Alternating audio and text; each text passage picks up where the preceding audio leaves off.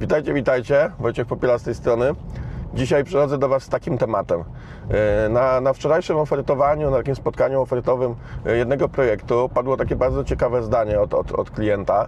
E, Powiedział mianowicie coś takiego, że po co chcecie angażować użytkowników, tych końcowych, do jakichkolwiek spotkań, wywiadów, testów naszej aplikacji, skoro no, macie specjalistów, tak? Jakby z samej definicji, no specjaliści wiedzą coś więcej niż taki zwykły użytkownik, więc po co, po co to w ogóle? Jaką perspektywę taki zwykły człowiek, który się na tym zupełnie nie zna, yy, do tego wniesie? No lepiej, żeby to byli specjaliści, jak, jak potrzebujecie więcej, to może lepiej, żeby to był na przykład audyt wykonany przez powiedzmy dwóch e, ekspertów e, w takim duecie i, i będzie to pewnie bardziej wartościowe niż nawet, nie wiem, 5 czy 6 czy, czy nie wiem, 10 osób. E, I, I to jest bardzo ciekawa perspektywa. Rozwinęliśmy oczywiście ten temat, zaczęliśmy o tym rozmawiać. I to jest bardzo ciekawa perspektywa takiego eksperta i specjalisty w user experience. Coś, czego, czego ja bym w ogóle unikał nawet na takiej podstawie językowej, na takim e, etapie językowym. No bo faktycznie, no, w normalnej sytuacji wygląda to tak. E, Jest specjalista, czyli on posiada pewną wiedzę wyższą niż ktokolwiek inny, kto, kto nie zajmuje się zawodowo danym tematem, czyli na przykład mamy e, lekarza, tak? No, wiadomo, że na przykład zapytanie mnie o jakiś problem medyczny byłoby absurdalne. No, nie mam żadnej wiedzy medycznej, e, żeby udzielać komuś porad. Zapytanie mnie, nie wiem, y, jak naprawić samochód, byłoby równie absurdalne. Y, Coś tam może wiem na temat samochodów, no ale y, no to trzeba iść do mechanika, trzeba iść do specjalisty.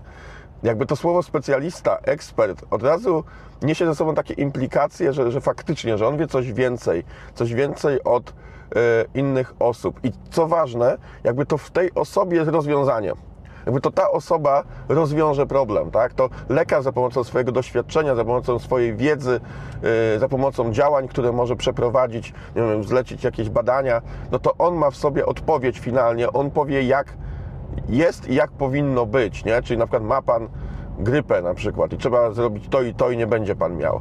Nie? I to jest, to jest oczywiste yy, w tym wypadku. A w badaniach user experience ta rola jest inna. Yy, Specjalista szuka tej odpowiedzi właśnie obserwując i słuchając yy, osób, które korzystają z danej aplikacji, z danego sklepu, z danej strony, z danych rozwiązań cyfrowych, z danych usług czy produktów.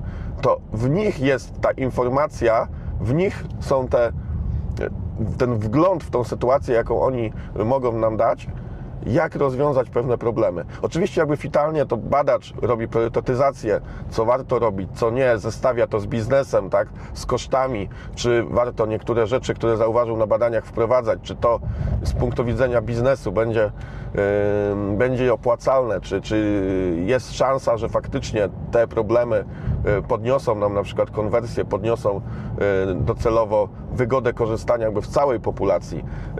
Yy, jakby jego rola jest niezmienna, on musi potem zaprojektować razem z innymi specjalistami od, od designu, przedyskutować to z analitykami, przedyskutować to z programistą i, i, i tak dalej. Jakby dużo osób jest potem w tym procesie, ale jakby ta odpowiedź pierwotnie jest w tych użytkownikach. Nie? To nie jest tak, że to oni posiadają wszelką wiedzę i po prostu y, róbcie tak i tak, a wasza konwersja będzie super. Oczywiście y, audyty y, użyteczności są bardzo ważne, są fajnym, szybkim y, sposobem y, optymalizacji niektórych rozwiązań, no bo wiadomo, że, że, że taki badacz y, tą wiedzę ma, może się z nią podzielić, ale to działa tylko do pewnego momentu. Do, do, jak już ta optymalizacja taka podstawowa, taka kluczowa jest wykonana, to bardzo trudno przeskoczyć yy, właśnie tak to, co może wnieść użytkownik. Nie? Tego już nie nadgoni specjalista. On, on nie jest, yy, nie, nie wchodzi nikomu do głowy, on nie jest specjalistą od wszystkiego.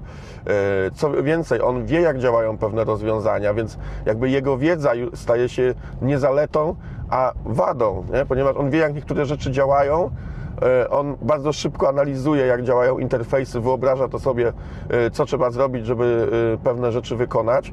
No i w tym momencie wykonuje je w sposób, gdzie na przykład zwykły użytkownik by się męczył x czasu z czymś, nie?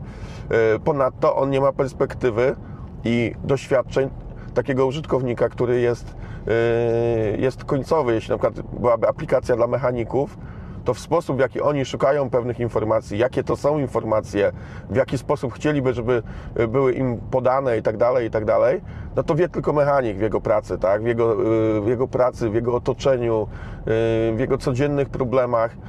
Tego żaden ekspert nie będzie miał w głowie. Nie, może będzie miał, jeśli faktycznie będzie prowadził, nie wiem, 20 już takich projektów aplikacji dla mechaników i i jakby jest super specjalistą od aplikacji dla mechaników, no to zyskuje tę perspektywę. No ale znowu skąd ją zyskuje? No zyskuje ją z pracy y, z ludźmi, y, więc, więc y, i tak jakby na samym początku są, są ci ludzie. Dlatego to zdanie, które wczoraj padło, było zdecydowanie, zdecydowanie nie, nie, nieprawdziwe, nie mające związku z rzeczywistością i jakby ja bym nawet unikał tego słowa specjalista od UX, nie?